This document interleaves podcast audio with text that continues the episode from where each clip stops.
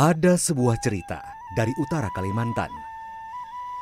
Cerita tentang hidup para pengembara di tengah rimba. Gua-gua dan tepian sungai menjadi tempat mereka berteduh. Menggantungkan hidup dari hutan belantara. Merekalah para pemburu dan pramu aktif terakhir di Kalimantan. Inilah hikayat suku Punan Batu, Benau Sajau.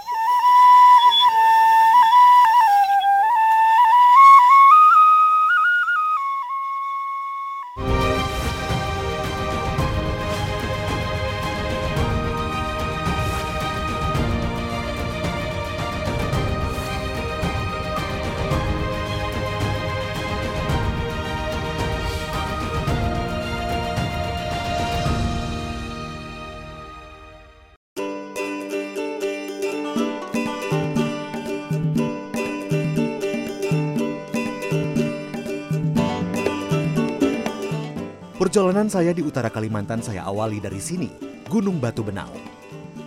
Sebagian besar kawasan Gunung Batu Benau terletak di wilayah Kabupaten Bulungan, Kalimantan Utara.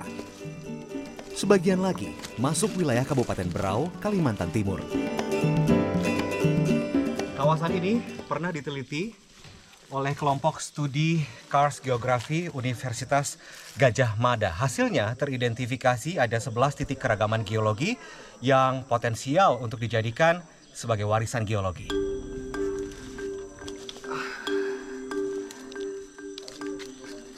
Kawasan ini rencananya akan dijadikan geopark atau taman bumi dan berpotensi menjadi destinasi wisata, edukasi, sekaligus konservasi alam di Kalimantan Utara. Nantinya ketika kawasan ini sukses dijadikan sebagai destinasi wisata, ada tantangan atau pekerjaan besar yang harus dilakukan oleh pemerintah setempat yaitu menyediakan akses karena tadi saya berjalan kaki dari muara Sungai Benau ke sini sekitar satu jam bisa lebih karena jalur setapak menyusuri hutan ini cukup terjal bahkan cukup ekstrim bagi saya. Gua-gua di Gunung Batu Benau ini tak hanya berpotensi menjadi warisan geologi, Taman Bumi Gunung Batu Benau diharapkan dapat menjaga kelangsungan hidup komunitas adat di kawasan ini, suku Punan Batu, Benau Sajau.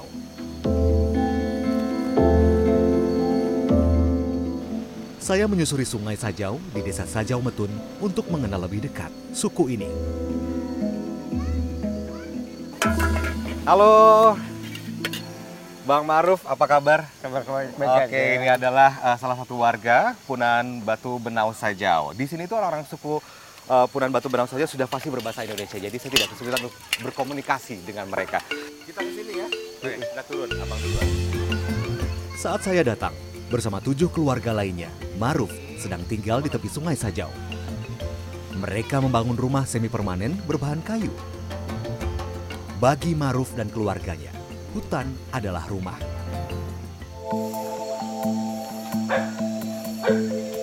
Masyarakat Punan Batu Benau Sajau merupakan komunitas kecil yang secara administrasi berada di RT 11 Desa Sajau Metun, Kecamatan Tanjung Palas Timur, Kabupaten Bulungan, Kalimantan Utara. Mereka hidup di sepanjang tepian Sungai Sajau dan hutan di sekeliling Gunung Batu Benau. Karenanya, mereka disebut suku Punan Batu Benau Sajau.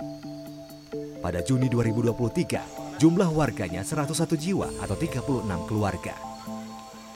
Dulu, mereka menghuni sekitar 17 liang atau gua di kawasan Gunung Batu Benau. Sebagian gua mulai ditinggalkan karena semakin berkurangnya sumber makanan.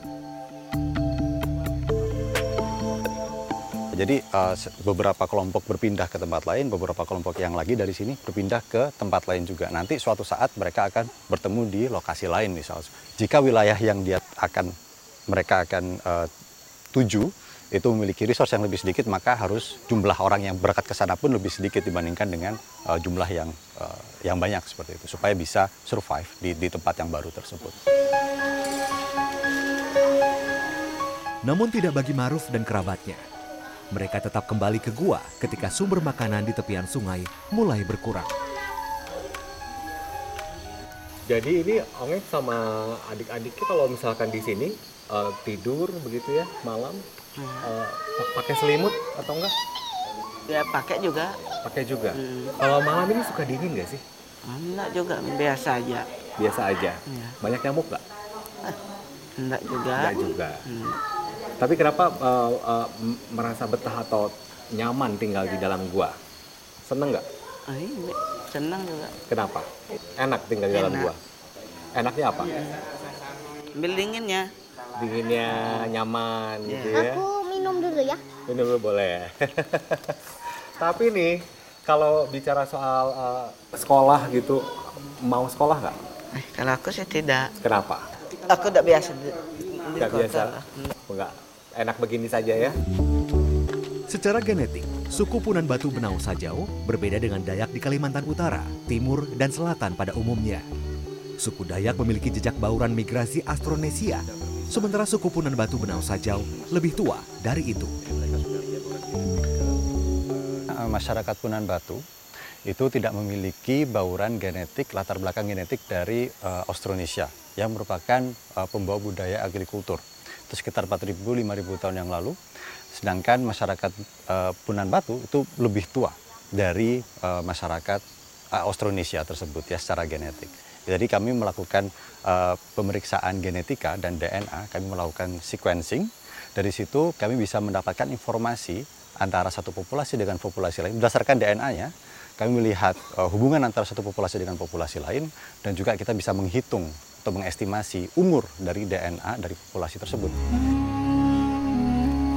Konon, orang-orang Punan Batu Benau Sajau meyakini bahwa mereka adalah keturunan yang tak bernama atau Iyung Otu. Yung Otu itu tidak kita tahu. Iyung Otu ini sebenarnya Pak tidak kita tahu. Dia dari bambu dari kayu apa. Ini tiba-tiba aja Iyung Otu yang ditahui manusia. Begitu. Itu belum ada manusia Iyung Otu nah kalau dia minta yang Iyung Otu ini apa yang dimintanya dia ada di depannya semua yang menubat di surga. Yang itu. Sembayang begitu. Itulah kalau kita menira. Menira ini memang ada yang bebas. Ada menira ini seperti orang berdoa kan? Begitu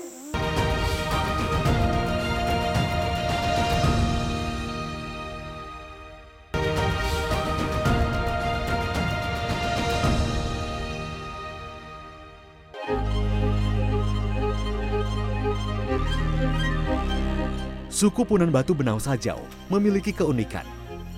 Mereka biasa berkomunikasi dengan simbol. Setiap keluarga memiliki benda tersendiri untuk dijadikan simbol. Benda itu bisa berupa kain, kertas, bahkan tanaman yang menjadi identitas.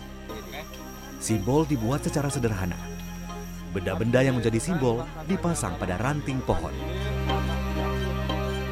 Ini daun apa? Kusut, Daun kusut. daun kusut. Memang yang menggunakan daun kusut ini hanya keluarga Hanya- keturunan Pak Asut saja. Ah, ah, betul. Jadi orang eh, eh, orang atau tetangga yang lain tahu pasti ini keluarga Pak Asut betul. begitu ya. Ah. Jadi ketika dipasangi daun kusut sudah pasti inilah tanda milik keluarga eh, Bang Pak Samsul Asut, dan Pak ah. Asut Iya, begitu ya. betul. Dan tanda ini juga tergantung dari batangnya mengarah ke mana, begitu ya. Li, la- liang. Kalau kalau eh, miring begini berarti tanda apa tuh? Kalau miring begini tanda anu aja eh Arah arah ke pondok gitu. ke arah ke pondok. Ah, ah. Oke, sedang bahwa keluarga ini atau Bang Samsul sedang pergi Ke ke arah sana, Ah, ah, ke arah betul. timur. Ah, ah. Panjang pendeknya Ya panjang pendeknya berarti jauh sama dekat. jauh sama dekat, Ah, begitu ya. ah. Nah, nanti ketika eh, ingin eh, memberi pesan kepada eh, warga yang lain kalau ini sudah kembali ke liang, ini tinggal dicabut. Oh iya, betul. Ini tinggal dicabut. Ini dibalik kembali begini. Mhm. Nah, ting- berarti ada orang yang datang sampai di sini. Oke, ini yang menjadi tanda Ah. keberadaan Iya. keluarga ini apakah sedang tinggal eh, di tempat atau Iya. sedang keluar, Betul. begitu. Betul. Ya. Nah, tinggal dia kan, oh, berarti ada teman saya sampai di sini. Simbol dipasang di jalan setapak yang terbuka dan mudah terlihat. Simbol seakan menjadi bahasa penghubung orang-orang Punan Batu, Benau Sajau. Selain tanda pribadi atau menunjukkan eh, di mana posisi eh, seorang warga atau keluarga, ada simbol lain yang digunakan oleh suku Punan Batu Benau Sajau untuk berkomunikasi, menyampaikan pesan kepada warga lainnya. Salah satunya ini nih, ketika ada uh, tanda daun yang dilipat seperti ini, ini artinya bahwa di sekitar sini ada warga atau keluarga yang sedang kelaparan. Jaraknya seberapa jauh tergantung dari panjang pendeknya batang kayu ini dan yang menentukan arahnya ada di mana juga kemiringan. Jika ke timur, berarti ke arah timur lah ada warga atau keluarga yang sedang kelaparan. Lain lagi dengan simbol untuk memberitahu kalau ada yang meninggal dunia. Biasanya batang kayunya uh, vertikal mengarah ke langit begitu dan itu biasanya digantungkan uh, kayu yang sudah busuk begitu. Dan ini lagi-lagi hanya antar warga suku Punan Batu Benau Sajau saja yang paham.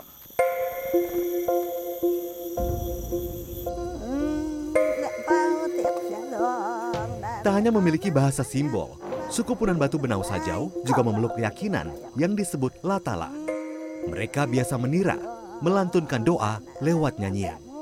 Menira harus dilakukan pada malam hari.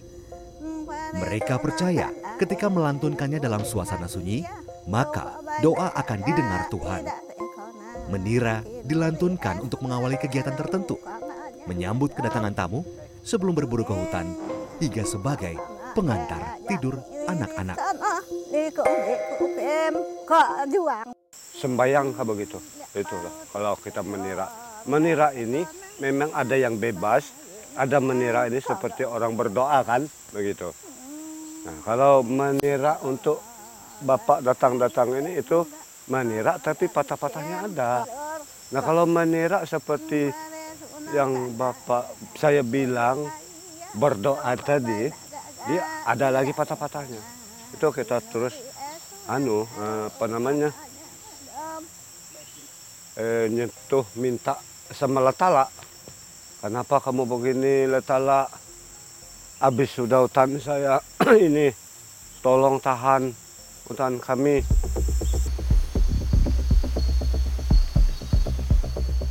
Hampir seluruh pemenuhan kebutuhan hidup suku Punan Batu Benau Sajau bergantung pada sumber daya hutan yang ada. Mereka dikenal sebagai suku pemburu pramu aktif terakhir di Kalimantan. Umbi-umbian telah lama menjadi makanan pokok suku ini. Mereka mencarinya di hutan. Bukan hal mudah bagi saya mencari ubi di hutan. Mencari ubi kariting ini memang butuh perjuangan yang besar kalau saya lihat ya. Kalau medannya seperti ini, tanah berbatu, mereka bisa berjam-jam menggali. Bisa sampai satu atau dua jam mereka menggali sampai menemukan ubi. Karena ubi ini bisa ditemukan bahkan hingga kedalaman satu meter begitu.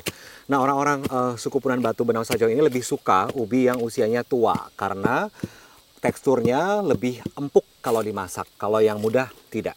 Jadi mereka kalau dapat yang muda tidak diambil dan tidak dibawa, hanya membawa yang tua saja untuk dimakan. Gini bentuknya.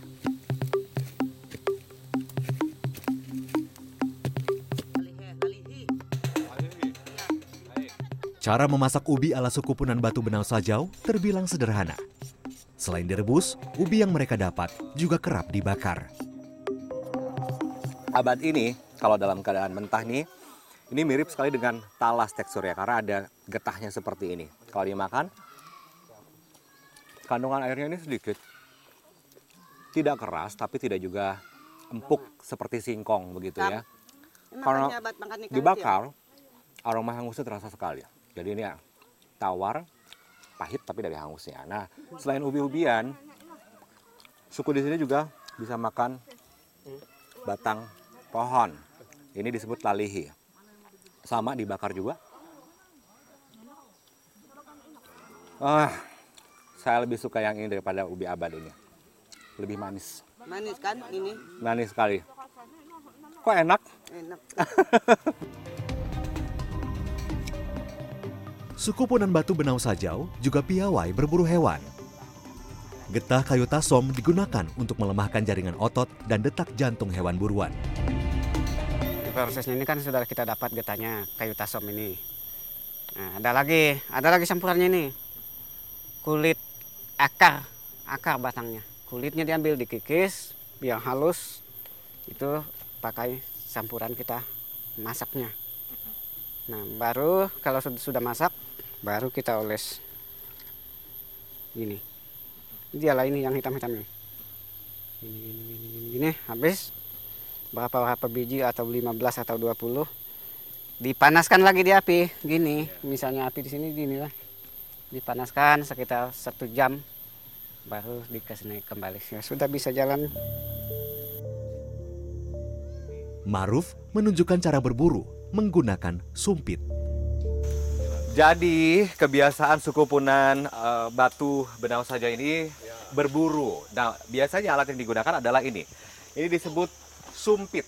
Tapi orang di sini menyebutnya juga upit. Ini saya melihatnya mirip tombak. Ini panjangnya sekitar berapa?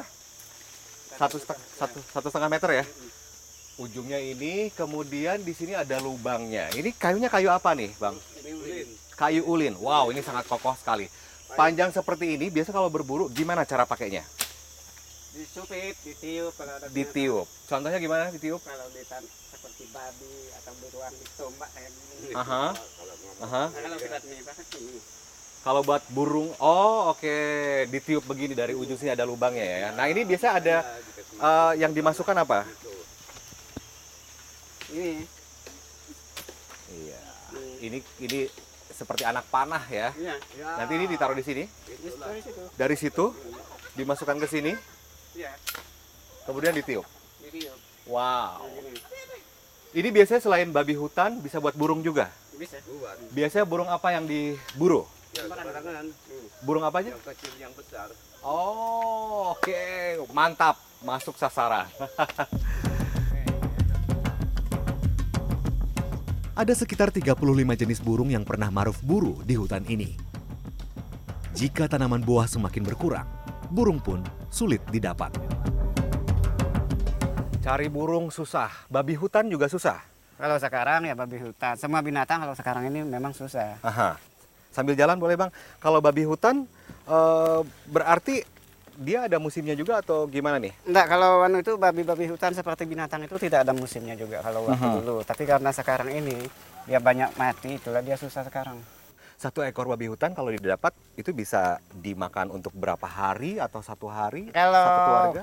Kayak satu keluarga kayak gini, kayak saya ya bisa seminggu. Seminggu baru habis. Suku Punan Batu Benau Sajau biasa berbagi hasil buruan. Inilah cara mereka bertahan hidup di hutan belantara. Aku anak dan batu. Eh, ini pimpinannya hebat betul ini. Pinter, pinter, pinter, pinter. Di kota kita berebut mencari sekolah favorit segala macam gitu. Sementara perhatian berpihak mana pun itu baik itu pemerintah atau penggiat pendidikan nol di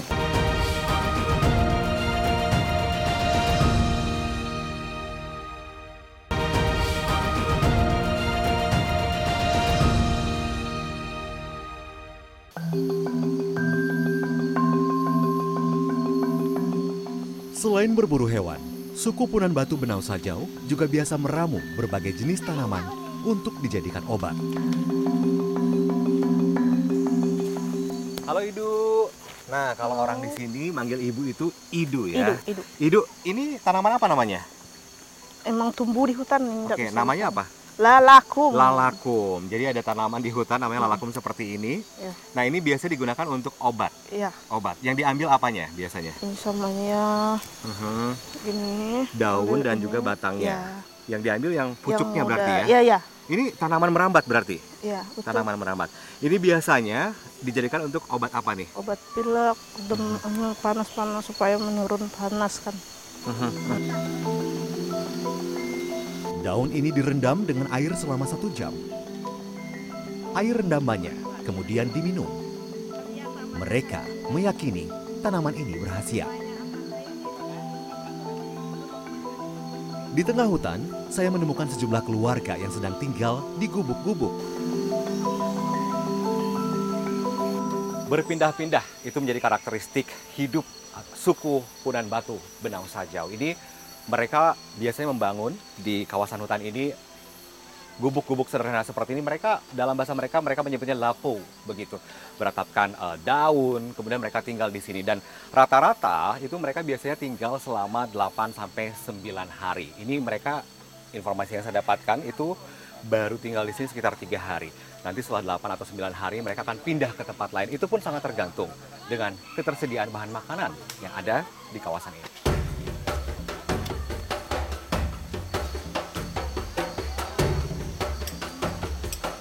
Para perempuan suku ini wajib menguasai teknik menganyam. Marni yang pandai menganyam rotan ini, misalnya, Bubuk atau rumah. Idu setiap eh, perempuan atau idu-idu di sini di Punan Batu Benang saja ini harus bisa menganyam seperti ini. Harus, Harus. ya semua. Semua Ya. perempuan-perempuan ini harus Iya. bisa menganyam karena mereka membuat peralatan rumah tangga hampir semuanya dari alam ya, termasuk ini ya dari akar rotan. Mm. Belajar dari mana dulu? Dari nenek, Dari nenek, ya, dari ibu dari turun pokok, temurun. turun menurun. Tidak pernah dijual, Enggak, dipakai sendiri. ya. suku Punan Batu Benau Sajau punya aturan menebang pohon. Leluhur mereka mengajarkan untuk mengambil hasil hutan secukupnya dan tidak menebang pohon sembarangan. Siapa yang melanggar dipercaya akan terkena malapetaka.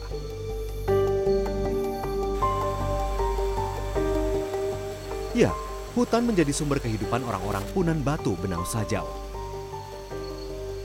Namun, perluasan lahan kebun kelapa sawit dan hak pengusahaan hutan mengancam keberlangsungan hidup mereka yang memiliki ruang hidup sekitar 18.000 hektar di kawasan hutan Gunung Batu Benau.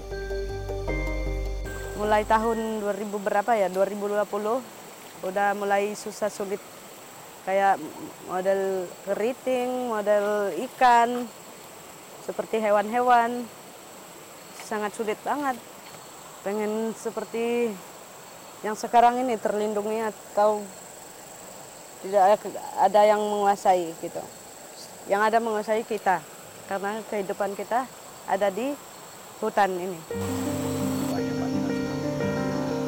Ketika sumber makanan dari hutan mulai berkurang, warga Punan Batu Benau Sajau terpaksa mencari pasokan makanan dengan membeli bahan makanan dari luar hutan. Namun, bukan dengan uang. Ya, selain bergantung pada ubi-ubian atau hewan hasil buruan untuk mencari alternatif sumber makanan lain, mereka melakukan sistem tukar atau barter. Nah, ini ada sarang burung walet yang dikumpulkan oleh Pak Ngamani beberapa hari di gua-gua. Ini akan ditukar dengan makanan. Biasa ditukar dengan beras gitu ya, Pak ya. Adalah Datuk Abdul Karim, warga Kecamatan Tanjung Selor, Kabupaten Bulungan, yang setia mengepul sarang burung walet hasil buruan warga. Kadang-kadang kan untuk menjangkau ke kota itu kan mereka ini sulit. Tidak mungkin, jadi saya sering datang ke sini, ketemu sama mereka, itu tadi sistem tukar menukar aja. Tapi kita tetap, walaupun nanti barangnya tidak ada, maksudnya panen belum panen, waktunya kan panen ini kadang-kadang 45 hari baru panen. Tidak satu, ndak satu tahun full, jadi 6, 6 apa, 6 kali petik aja dia, 6 bulan habis. Nah, kita tetap melayan mereka. Walaupun dia tidak barang, saya ambil dulu ya. Saya belum panen ini belum puru bilang kan. Iyalah, ambillah. Ya kasih kasihlah dia. Nanti kita itu kalau ada hasilmu baru kita hitung gitu. Sadar akan perlunya pelestarian hutan tempat tinggal suku Punan Batu Benau Sajau, Yayasan Konservasi Alam Nusantara berupaya agar suku ini mendapatkan perlindungan dan diakui sebagai masyarakat hukum adat. langkah berikutnya adalah perlindungan. Jadi ini masih panjang perjalanan ini dan harapan kami tentu di akhir perjalanan nanti adalah masyarakat memiliki kedaulatan atas dirinya di dalam kawasan ini sehingga mereka tetap akan bisa melanjutkan eh, cara kehidupan yang unik yang sangat tergantung dan ramah eh, terhadap hutan. Mereka adalah penjaga hutan sejati. 3 April 2023, pemerintah Kabupaten Bulungan memutuskan pengakuan dan perlindungan masyarakat hukum adat Punan Batu Benau Sajau dan menyerahkannya langsung pada 2 Juni 2023. Pengakuan ini menjadi langkah awal diusulkannya hutan Gunung Batu Benau menjadi wilayah mereka tinggal sebagai hutan adat. Kalau ini dijadikan kawasan hutan adat yang nanti akan kita komunikasikan dengan Kementerian LHK dalam hal ini, tentu kita berharap dan tentu kita perjuangkan jangan sampai kawasan ini berkurang. Sehingga nanti ketersediaan pakan tadi itu tetap bisa tersedia di kawasan hutan ini. Setelah mendapatkan pengakuan sebagai masyarakat hukum adat, pekerjaan besar menanti. Terutama membangun sarana pendidikan yang tepat bagi anak-anak Punan Batu Benau Sajau. Suku Punan Batu Benau Sajau belum pernah tersentuh oleh pendidikan. Anak-anak terpaksa harus mencari ilmu, mencari tahu informasi dengan cara mereka sendiri. Ada yang mau melakukannya, ada pula yang tidak. Nah ini ada Lais, ini salah satu anak yang mau mencari ilmu sendiri. Lais sudah bisa baca tulis? Bisa. ABCD sudah bisa. Kemudian berhitung bisa. 3 tambah 3, 6. 1 kali 5, 5 kali 5, 25. Wow, itu belajar dari mana, Lais? Yang datang bertemu ke sini, belajar dari mereka, begitu.